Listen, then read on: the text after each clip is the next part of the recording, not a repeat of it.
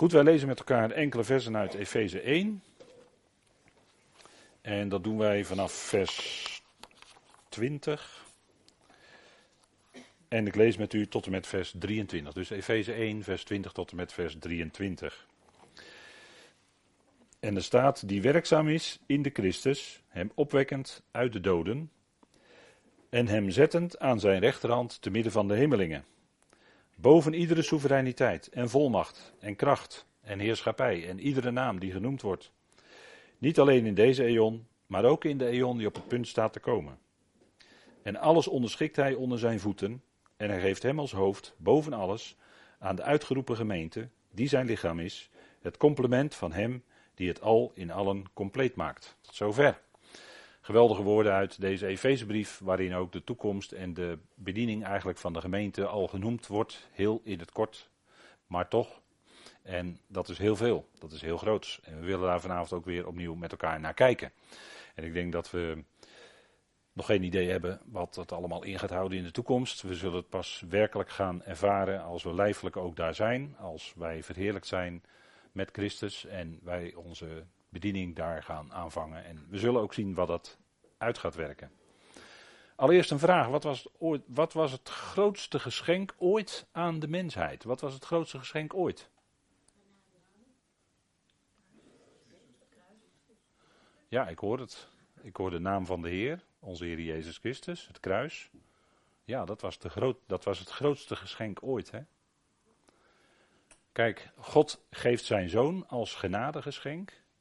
Zoals Paulus dat ook zegt in de Romeinenbrief, Romeinen 8, hè, vers 1 en 32. Genadegeschenk. Hoe zal hij ons ook niet met hem alle dingen in genade schenken, zegt Paulus daar.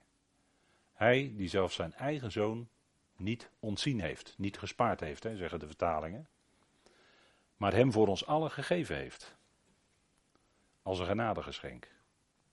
En dat is het geschenk, het grootste geschenk, wat ooit door God gegeven is aan heel de mensheid.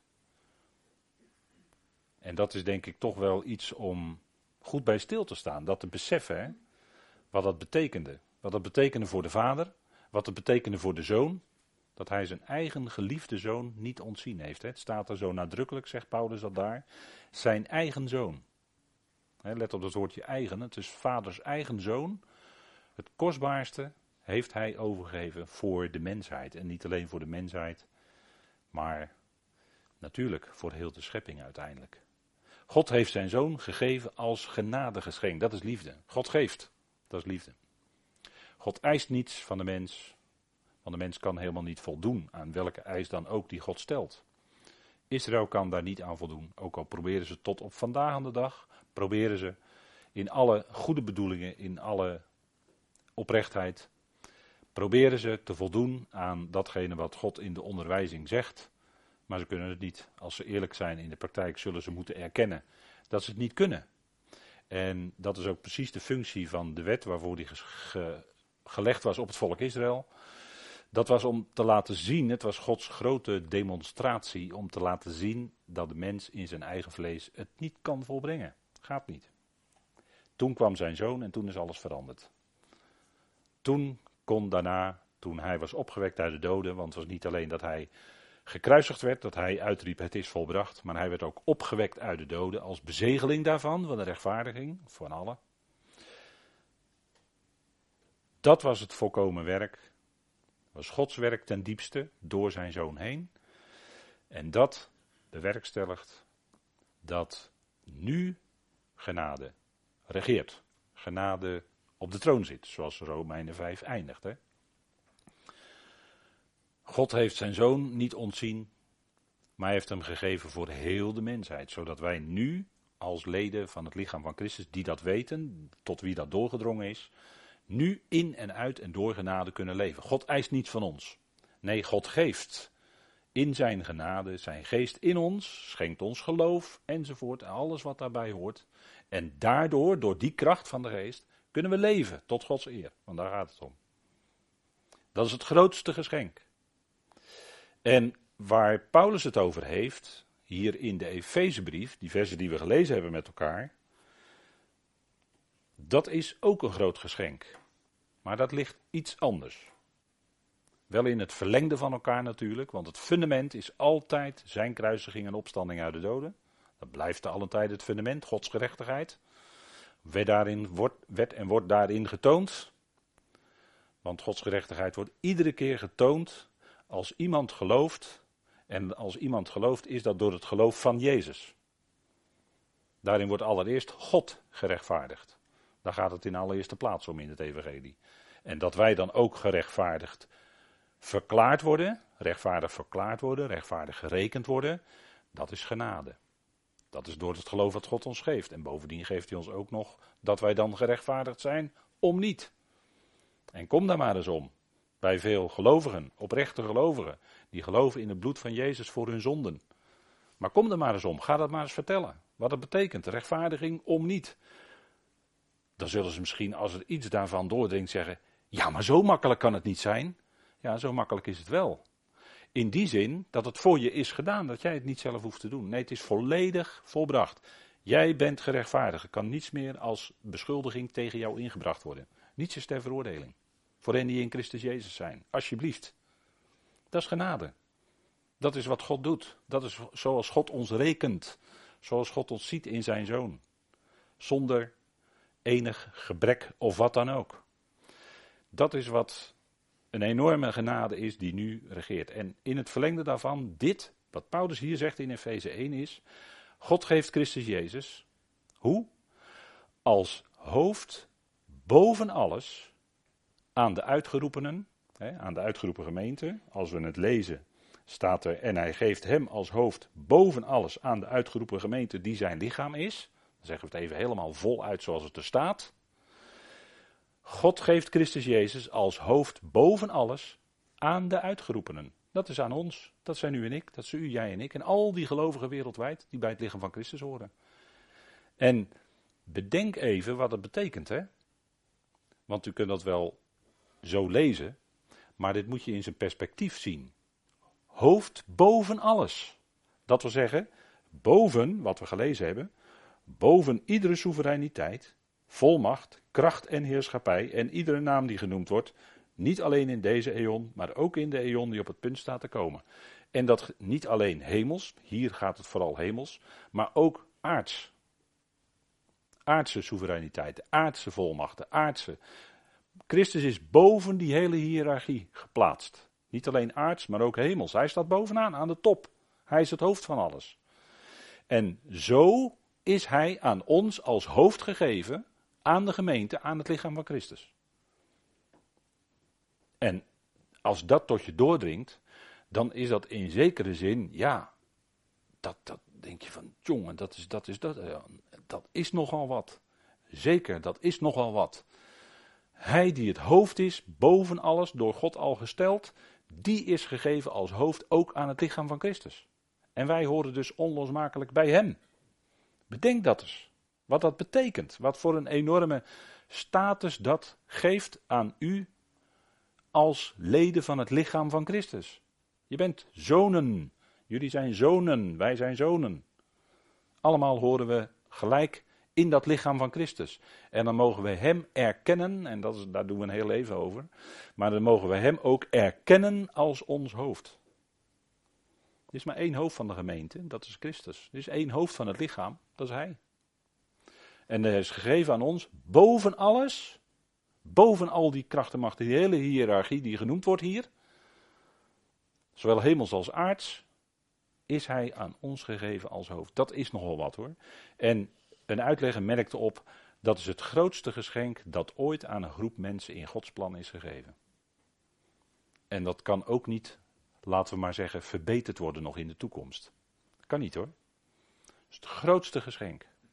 Onvoorstelbaar. Denk daar eens over na, hè, over deze dingen.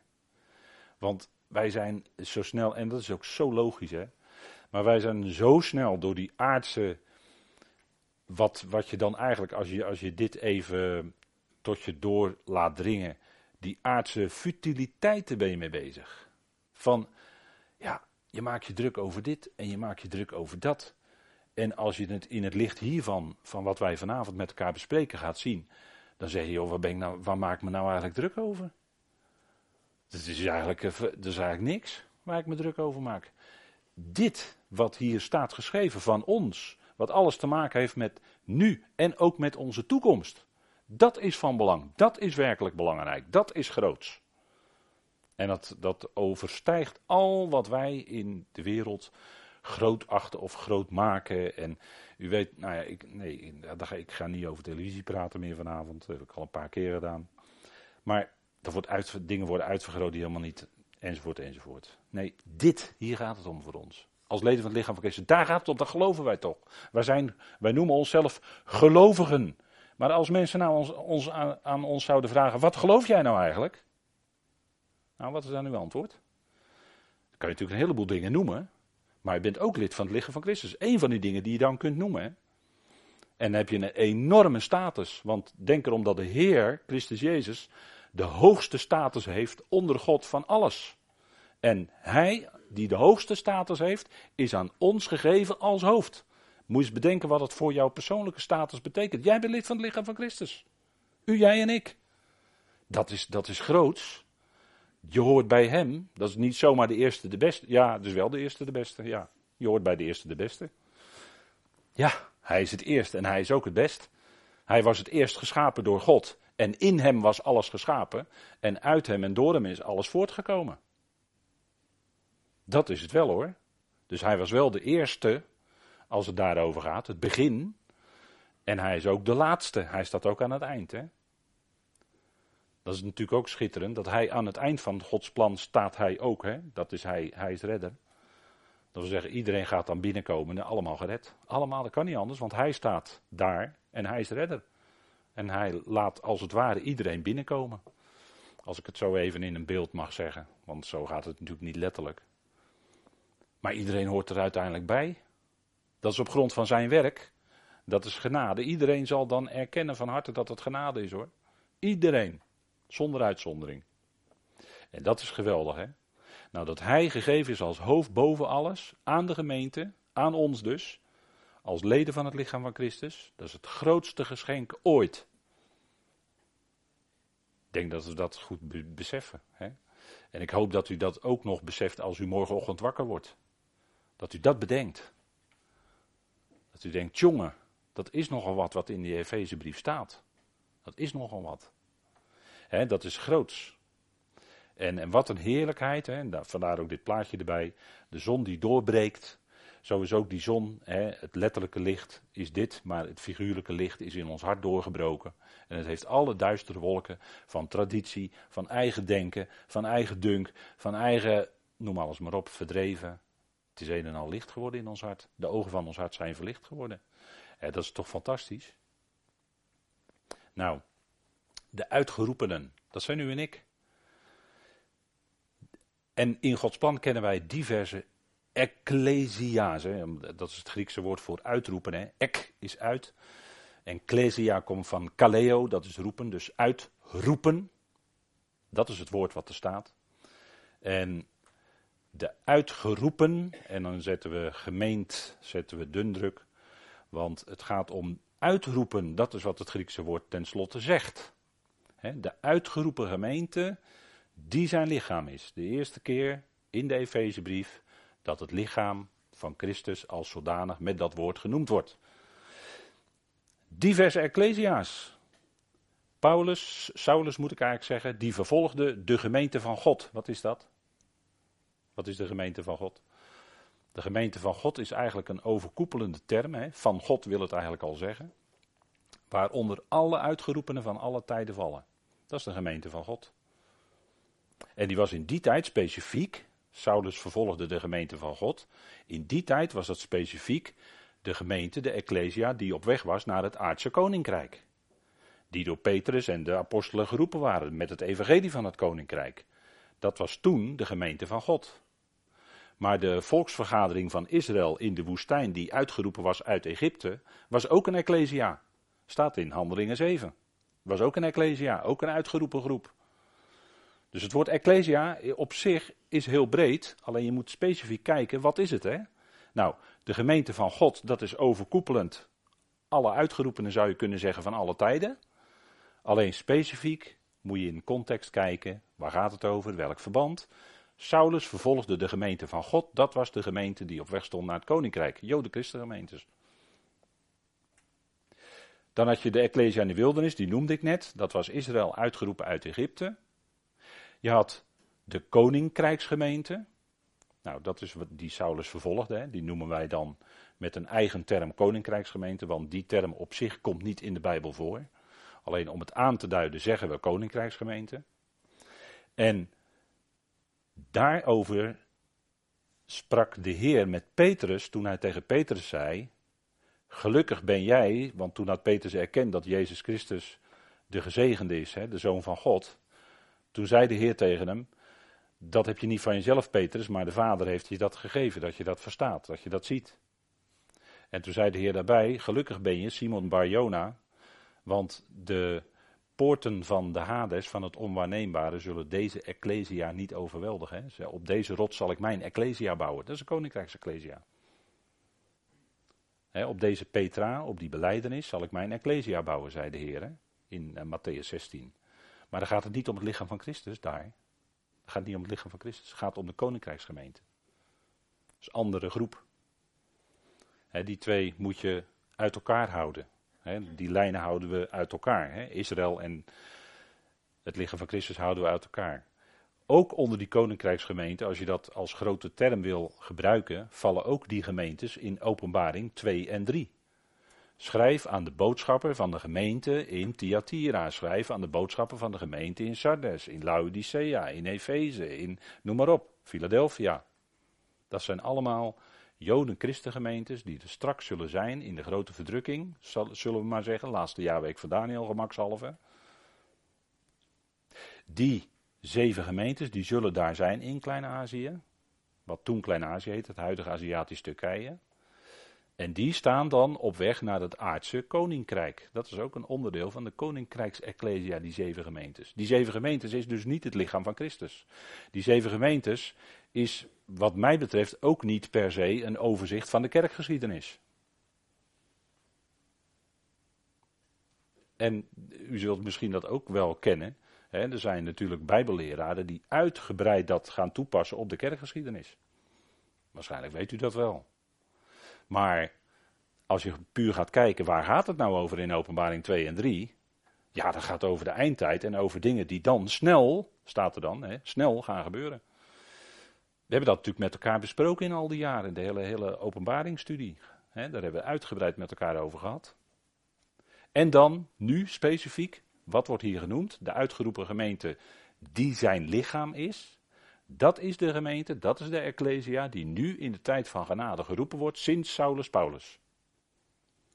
Dus de gemeente ontstond niet op Handelingen 2, in Handelingen 2, maar de gemeente ontstond pas later, nadat Saulus geroepen was en zijn naam veranderd was in Paulus. En toen langzamerhand ging het lichaam van Christus geroepen worden.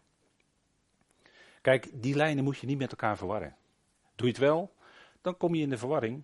Op, op allerlei fronten, op allerlei mogelijke dingen, geestelijke dingen, kom je in verwarring. Hou je die lijnen wel uit elkaar, dan blijf je uit de verwarring. Gaan we met mensen praten, gaan we met gelovigen praten uit kerken en groepen. Ga maar praten. Dan hoor je de verwarring, hoor je komen ja, maar het zit toch, ja, maar het zit toch zo? Ja, maar het is dat, dat en dat. En dan hoor je gewoon de verwarring. Gigantisch. Waarom? Omdat ze de lijnen van de schrift, Israël en de gemeente die het lichaam van Christus is, houden ze niet uit elkaar. Die lijnen moet je uit elkaar houden. Dat zijn twee verschillende grootheden. Zodra je die lijnen met elkaar gaat vermengen, loop je vast. Aan twee kanten. En daarom zegt Paulus ook, degene die twee verschillende boodschappen door elkaar mengen, in de ban, zei hij in de ban. Galaten 1, is toch duidelijk? Staat twee keer aan een thema, in de ban. Die boodschap, vermenging van twee dingen, daar ligt de ban over. En dat is sinds de tijd dat Paulus dat geschreven heeft in Galaten 1 is niet veranderd, dat geldt nog steeds. En wat is die ban? Dan heb je geen kracht. Dan ken je niet de volle doorwerking van de genade in je leven. Ook in de praktijk van je leven, want daar gaat de Galatenbrief over dat gaat om de praktijk van ons leven als gelovigen. Daar spreekt de Galatenbrief over.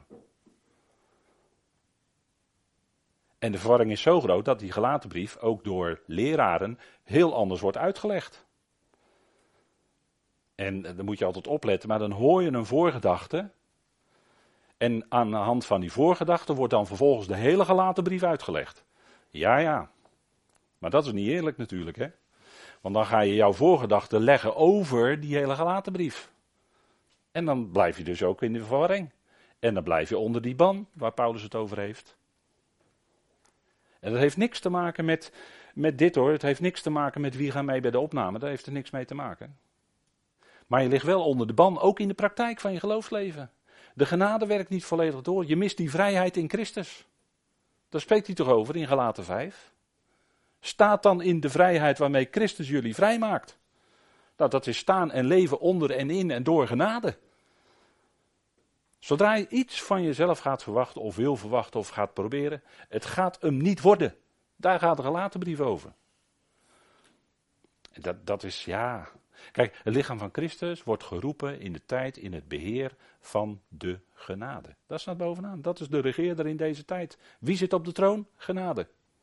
Genade regeert. Duidelijk hoor. Duidelijke boodschap bij Paulus. En ja, als je dat gewoon leest, je leest wat er staat, je gelooft wat er staat, dan heb je wat er staat. Maar zodra je gaat redeneren zelf, en dat doen wij oh zo snel als gelovigen, gaan we redeneren, ja maar als nou dit, ja maar als nou dat, dan halen we teksten uit de andere evangelie erbij. En dan gaan we door elkaar gooien en dan klopt het weer niet. Nee, dat klopt, want je doet iets verkeerd. Je gooit twee teksten, je gooit twee dingen door elkaar. kan je niet doen. Het is niet voor niks dat Israël op het land mochten ze maar één soort zaad zaaien, geen twee soorten tegelijk, want je mag die, dat zaad dat, dat gaat niet goed. Dan gaan er twee verschillende dingen tegelijk opkomen, dat gaat niet goed. Dat moest zuiver blijven, dat was niet voor niks. Dat is natuurlijk typologie bij Israël. Dat staat niet zomaar geschreven. Maar alles wat in de schriften staat is tot onze lering geschreven. Hè? En ook tot onze vertroosting en de volharding van de schriften, opdat wij de vaste verwachting zouden hebben, zegt Paulus toch in Romeinen 15.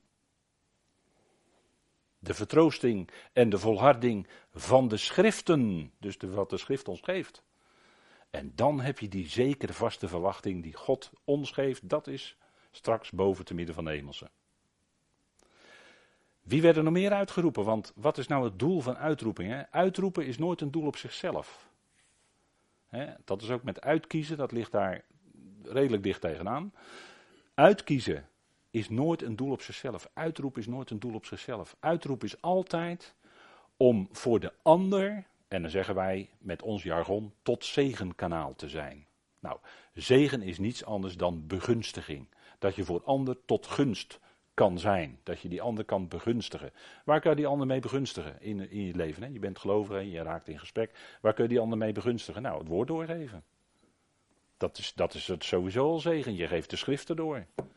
Dat, dat is de grootste zegen die iemand kan geven. Dat was Israël ook gegeven. Israël is uitgeroepen. Ze waren de bewaarders van het woord. Dat doen ze nog steeds. Ze bewaren dat woord. Gisteren waren we in een synagoge in Bussum. En dan zie je de voorganger komen en, die doet en dan gaat de kast open. En dan zie je vijf Torah-rollen staan. Bewaarders van het woord, denk je dan. Prachtig toch? Het volk doet dat nog steeds dus. Zij bewaren het woord. Dat is zegen voor de mensheid, dat woord van God, die onderwijzing. En zegt u ja, alleen tenag. Ja, natuurlijk, alleen tenag. Dat, dat is uh, wat hun gegeven is. En voor, voor het overige zijn ze helaas verblind wat het geloof aangaat. Helaas, zeg ik dan. Maar die hele schrift, dat is, dat, die, staat ons, die mag ons ter beschikking staan en daar, daar mogen we onder leven. En die kunnen we doorgeven aan anderen. Wat zegt Gods woord nou? Wat is nou het lichaam? Wie is nou de bruid? Kun je zo doorgeven. Gods woord. Maakt het duidelijk. Die lijnen liggen daar. En, en dat is dan tot zegen voor die ander. Dat is het doel van uitroeping eigenlijk. Ik heb op deze dia een aantal. Hè, iemand heeft uh, wat, eh, wat uh, op een bepaalde manier Abraham hier getekend. Maar wie werden er allemaal geroepen? Abraham, Isaac, Jacob enzovoort. Israël werd geroepen, werd uitgeroepen uit Egypte profeten, richters, koningen, priesters, allemaal uitgeroepen hè, in zekere zin. En natuurlijk het lichaam van Christus. Als iets unieks, als iets dat verborgen was. Het was nog verborgen. lange tijd in God, hè, in Christus. Maar in deze tijd is het, hè, de afgelopen 2000 jaar is dat wel naar voren gekomen wat dat allemaal betekent. Maar dat is het doel van de uitroeping. Tot zegenkanaal zijn voor die anderen. En natuurlijk dat wij misschien instrumentje mogen zijn, kunnen zijn, eventueel, dat God een ander uitroept. Door dat ene dingetje wat je misschien doorgeeft. Het zij op schrift, het zij misschien met je mond, wat je doorgeeft aan een ander, dat kan bij die ander iets wekken. God wekt dan iets bij die ander. En ja, dat kan. Dat, en zo kun je dan tot zegen zijn, tot gunst voor die ander zijn. En dat is denk ik toch wel heel bijzonder als je nadenkt over uitgeroepen. Hè? Uitgeroepen wil zeggen, je, er is een hele grote menigte of er is een hele grote mensenmassa. En daaruit worden enkelingen geroepen. En Abraham is wat dat betreft best wel een mooi voorbeeld. Want die leefde in Oer van de Galdeeën. Dat was gewoon een heidense omgeving. Hè, zodat zeggen, daar werd de maangod Zin vereerd enzovoort. Hè. Oer de Galdeeën ligt vlakbij Babel en zo. Mesopotamië daar. Werd Abraham uitgeroepen. Hij werd geroepen, God gaf hem geloof en hij ging op weg. De God der heerlijkheid verscheen aan Abraham en hij riep hem. Hij werd geroepen uit een totaal heidense omgeving. En via Abraham was de weg waardoor God zijn zegen. Hè. In jou en in jouw nageslacht, Abraham, zullen alle geslachten van de natie gezegend worden. Daar heb je het woord. Baruch, zeggen de Hebreeën dan. Gezegend ben je.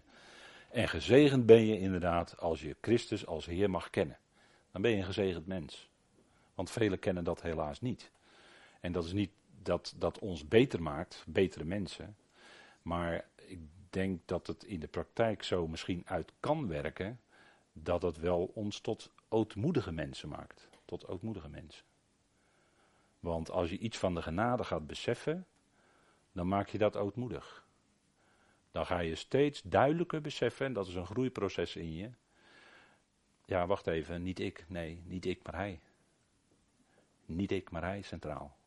Niet die mens, maar hij centraal. En dat gaat heel ver hoor, gaat heel ver.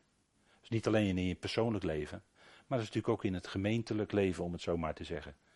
Niet wij, nee, hij centraal. En dus ook dat woord wat hij brengt, centraal. Daar gaat het om. Het gaat niet om ons, gaat om hem. Die de genade geeft, de gever van alles. Dat is wat, wat uh, ja, dat zou vanzelfsprekend moeten zijn onder gelovigen. Dat hij centraal staat. En daarmee ook zijn woord. Dat, maar dan ook echt centraal. Niet alleen met de mond beleiden, maar echt centraal stellen. Ook in de praktijk doen. Daar gaat het natuurlijk om. Hè? Zegenkanaal zijn voor de anderen. En dat is het doel van de uitroeping. En voor ons is dat een hele hoge roeping. Onze toekomst. Boven, te midden van de hemelsen. Te midden van de hemelingen. Daar ligt onze toekomst. Hè? Dat is onze verwachting. Daarvoor zijn wij bestemd om zegenkanaal voor hen te zijn. Nu al, want nu al is de prediking door middel van boodschappers aan de soevereiniteit en de gevolmachtigden en de tronen en de heerschappijen. En binnenkort gaat er iets uitkomen, waar heeft u een mooie brochure in handen waarin dat uitgelegd wordt, allemaal, deze dingen. En ik denk dat het heel passend is binnen het kader van de Efezebrief waar we mee bezig zijn. Hoe zit het nou met die engelen? Hoe zit het nou met tronen? Hoe zit het nou met Genesis 6? Hoe zit het nou met de Nephilim? Hoe zit het nou met het boek Henoch? Enzovoort. Wordt daar allemaal keurig en goed in uitgelegd, helder, aan de hand van de schrift. Dus dan heeft u een prachtige brochure om aan mensen door te geven die daarmee worstelen. Want de wereld van de engelen, nou, daar is nog steeds heel veel over te doen hoor. En heel veel verkeerde gedachten in één dingetje in het boekje wordt gesproken over engelensprookjes. Nou, dan weet u wel genoeg, hè, als ik dat zo zeg. Er wordt uitgelegd aan de hand van de schrift hoe dat nou zit, wat engelen in werkelijkheid zijn. En, en wie u en ik zijn, en wat tronen zijn, en wat heerschappijen zijn, en wat Nephilim zijn, en wat, uh, hè, en, en wat zonen God zijn in Genesis 6 en al dat soort dingen. Wordt allemaal uitgelegd. En, en dat is denk ik toch iets wat verheldert hoor. Kijk, de schrift verheldert en ontnuchtert ook, hè? Ontnuchtert. En snijdt alle mogelijke dingen naar wat wij zeggen duister, hè? occult, duister. Snijdt het naar die duisternis, verkeerde duisternis, snijdt het af. Snijdt het allemaal af. En, en dat is denk ik in deze tijd heel erg hard nodig. Want eh, ja, we weten natuurlijk allemaal dat het internet heel groot is en dat je er alles op kunt vinden. Maar vind daar maar dan eens het goede.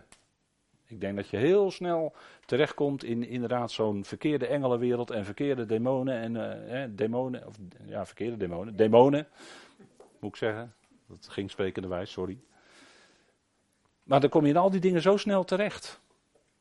Filosofieën die je, die je meenemen naar. Hè, de, ik denk, denk dat uh, iets als de New Age, dat het uh, heel erg aan, aan het opkomen is. Maar goed, Gods woord is veel belangrijker. En er komt inderdaad wel een geweldige nieuwe tijd, maar dat is pas als de Heer Jezus als Messias gekomen is en zijn voeten heeft gezet op de Olijfberg. Dan pas komt er echt een nieuwe tijd. De werkelijke goede nieuwe tijd. Hè? Als hij daar is, dan gaat hij zijn koninkrijk vestigen en dan zal het hele rijk van de boze, van de wetteloze, zal aan de kant gaan. Dat wordt de werkelijke goede tijd, hè? nieuwe tijd. Daar gaat het om. Zegenkanaal zijn voor de anderen. Dat is onze bestemming. Uitroepen is geen doel op zichzelf. Dat is heel fijn als je dat bewust bent. Maar het is geen doel op zichzelf. Nee, u, jij en ik, wij zijn geroepen om daadwerkelijk iets te doen. Ja, en datgene te doen waar God ons ook dan de kracht voor zal geven. En daarvoor zijn wij in Gods opleiding, om het zo maar te zeggen, tijdens ons aardse leventje. Wat gaat over hobbels en wat eh, voetangels en klemmen heeft en dorens en distels. En nou ja, goed, meer beelden hoef ik niet op te roepen. Want ik denk dat u wel heel goed bewust bent. Hè, want u gaat al een paar jaartjes mee, zie ik zo hier en daar wat grijze haren. En heb ik zelf ook uh, wat minder en ook grijs. Maar dan heb je wel wat hobbels en wat golven hoog en laag meegemaakt. En, maar dat is allemaal Gods leerschool, dat moet je bewust zijn. Dat is Gods leerschool om je voor te bereiden op je toekomst te midden van de hemelingen. Ik denk dat je er beste zo naar kunt kijken. Lijden is er, ja, en dat is heel akelig. Dat is heel, heel verdrietig. En we hebben er allemaal mee te maken op een of andere manier. Maar er komt heerlijkheid. En die heerlijkheid die wacht en die komt elke dag dichterbij. Dat je ook, kun je ook beseffen, hè? want als je per dag bezig bent en zegt van joh, ik heb een paar dingen gedaan en ben alweer een uur verder. Weer een uur verder. Zo snel gaat de tijd. Maar dat is ook maar beleving, want. Maar het is met een doel dat wij geroepen zijn. Hè? Met een geweldig doel. We hebben genade ontvangen, bijvoorbeeld, om genade te schenken. Zoals God in Christus jullie genade schenkt, zo ook jullie. Zegt Paulus een aantal keren in Efeze, in Colossense. En ootmoedige gezindheid. Als je iets beseft van genade, maakt je dat tot een ootmoedig mens. Je hebt niets van jezelf. Als je goed jezelf leert kennen in het licht van het kruis, van Golgotha, dan ga je beseffen en kun je gewoon tegen jezelf zeggen, joh, wie ben je nou eigenlijk, joh? Je bent eigenlijk helemaal niks. Je stelt niks voor. In dat licht, hè? In dat licht. Je mag mens zijn, natuurlijk, je bent mens. Je mag mens zijn enzovoort met alles. Tuurlijk. Maar in het licht daarvan, hè, van het kruis, ben je helemaal niets. Mede gekruisigd. U weet het. Criminelen. Die hingen daar. Hij hing daar. En hij was het niet. Christus Jezus. Rovers en misdadigers. Die hingen daar met hem. En dat zijn u en ik. Daar werden wij in uitgebeeld. Geldt voor ieder mens. Voor ieder Adam-mens. Rover, misdadiger. Zegt u nou, dat is wel erg slecht zoals we ervoor staan. Ja, klopt. En daarom moest het kruis ook komen. Dat klopt. Al dat vlees enzovoort moest allemaal weg aan het kruis. Dus met hem mede gekruisigd. En natuurlijk, natuurlijk, die oude mensheid moest er zijn om, ja, ook mede om die nieuwe mensheid voor te brengen. Natuurlijk, natuurlijk, Gods plan. Maar in het licht van het kruis gaan we wel ontdekken wie we in onszelf zijn hoor. En maakt een einde, absoluut radicaal einde aan alles wat maar menselijk enigszins trots zou kunnen zijn. Ook al is maar een heel klein ietsje Aan het kruis gaat het radicaal eraf. Je hebt niks. Wie ben je nou joh? Denk je dat je jezelf kunt redden? Nee toch? Je bent alleen maar gered omdat hij daar hing en omdat hij is opgewekt uit de doden. Daarom alleen maar. Nee, je hebt zelf niets, niks te vertellen hoor, wat dat betreft. Kijk, en deze dingen, als je dat gaat beseffen, en dat, dat is ook iets wat je niet alleen uh, leert op een gegeven moment, doordat je het hoort zeggen, maar het is ook iets in het licht van het evangelie wat je gaat ervaren, wat je, wat je gaat doorleven. Dat je echt gaat beseffen, verdiep van binnen. En dan ga je ook waarderen wat die genade van God werkelijk betekent. En hoe kostbaar dat werkelijk is. We leven in genade en dat maakt ons tot ootmoedige mensen. En dan leef je daarna in dankbaarheid. En dan is het fijn om dingen te kunnen doen, te mogen doen, zeggen we dan, te mogen doen. En daar geeft hij ons ook nog de kracht voor. He, dat, is, dat is in alle. En dan, dan is het echt bescheiden. Bescheiden. De uitgeroepen gemeente. We zijn uitgeroepenen. En dan staat erbij, die zijn lichaam is. Die zijn lichaam is. Lichaam van Christus. Term die we vaak onder elkaar in de mond nemen. Maar wat betekent dat nou, lichaam van Christus? Een lichaam is eigenlijk een instrument, zou je kunnen zeggen. Zo wordt er ook over gesproken. En de leden van ons lichaam, dat zijn eigenlijk instrumenten waarmee wij dingen kunnen doen. En nu stelden wij eerst onze leden ten dienste van de zonde, ten dienste van de ongerechtigheid. De Romeinenbrief, hè? Romeinenbrief. Dat is de opstap naar de Efezebrief. Dus dat, als je Efeze leest, zou in principe de boodschap van Romeinen wat meer bekend moeten zijn. Om Efeze goed te. Hè, want dan ga je echt een stap verder, hoger. Maar eerst stelde je je leden ten dienste van de zonde, doelmissen. Ten dienste van de ongerechtigheid. Maar nu, nu je het evangelie hebt leren kennen en, en God heeft geloof gegeven in je hart aan dat evangelie, wordt het anders. Ga je je leden stellen, hè, ga je je lichaam stellen als een levend, apart gezet, God welgevallig offer. Romeinen 12. En dan wordt alles anders. Want dan ga je je leden niet meer stellen ten dienste van je eigen ikkie. Niet meer ten dienste van de zonde. Maar ten dienste van God. Ten dienste van God. Onderwijs Romeinen 6. Je zou kunnen zeggen dat is eigenlijk het ABC van het evangelie. En dan zeg ik nu misschien B en C erbij, hè, doordat je leden van je lichaam stelt. En dat is, dat is eigenlijk het, de basis, de basics. Dat is die enorme verandering. Dus niet alleen een verandering van denken, daar begint het natuurlijk wel mee, in je hart, in je denken. Tuurlijk, je moet eerst horen. Maar daarna gaat het zich uitwerken in je leven. Dan ga je je lichaam stellen tot een hem welgevallig offer. En dat wil je dan ook van binnenuit. Dat is wonderlijk, hè? Je wilt het dan van binnenuit. Het wordt niet opgelegd zoals bij Israël. Israël moet. Wordt de wet opgelegd. Moet. Kunnen ze niet, maar het moet. Dat gebeurt ook in, in geloofsgroepen. Wordt elke zondag de tien geboden voorgelezen. Dan horen de mensen weer wat ze de komende week niet kunnen volbrengen. Ja, dat, ja, het klinkt bijna cynisch als ik het zo zeg, dat weet ik wel. Maar in werkelijkheid is het wel zo. Daarom heeft het ook geen enkele zin om dat te doen. In plaats van die tien geboden zouden ze evangelie moeten lezen elke zondag. Lees in plaats van Exodus 20 de Romeinenbrief. Elke zondag een stukje Romeinenbrief. In plaats daarvan. Moet je kijken. Daar gaat er wel wat veranderen hoor. De grote verandering in het leven van Luther, wat de Reformatie bewerkstelligde, was de Romeinenbrief tenslotte. En, en Luther die heeft de rechtvaardiging bijna helemaal begrepen. En dat, dat bezorgde al een enorme omwenteling. En hij wilde van binnenuit wilde hij de kerk veranderen. Luther wilde zelf niet uit de kerk stappen. Nee, hij werd eruit geduwd. Dat is het verhaal. Hè?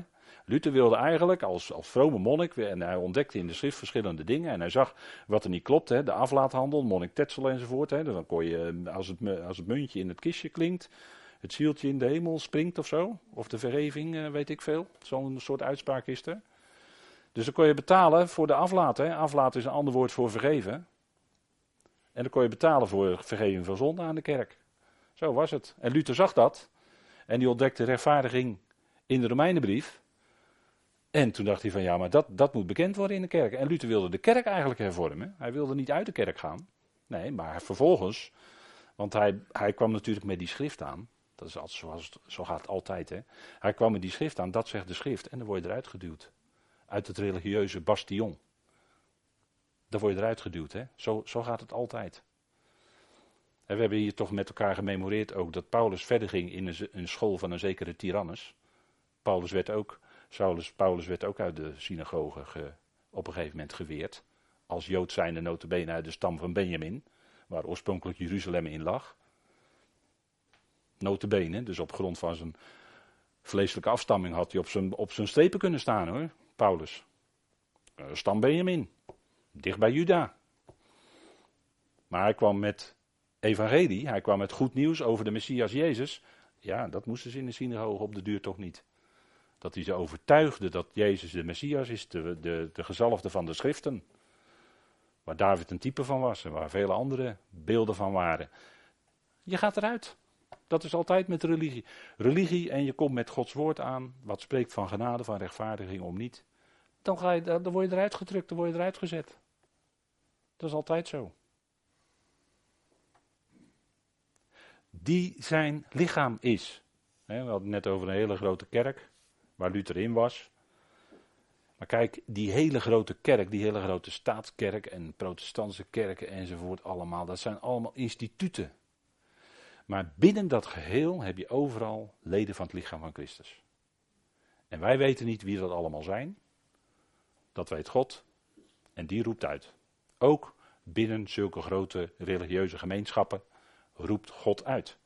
Dus dat weten wij niet. Lichaam van Christus. En dat is een lichaam met heel veel leden. Het is een prachtig beeld wat Paulus gebruikt. Door God geïnspireerd. Een menselijk lichaam bestaat uit vele leden. Ga maar eens optellen. van je kruin tot aan je voedsel. Hoeveel leden dat zijn. Nou, dat zijn er heel wat hoor. En dan eh, dat hele ingewikkelde proces wat van binnen allemaal plaatsvindt. Dat, daar weten we nog maar nauwelijks iets van. En dat is heel mooi als je mensen dat hoort uitleggen hoe dat dan gaat. Maar een lichaam met veel leden, dat is een organisme. Ik had het net over kerk.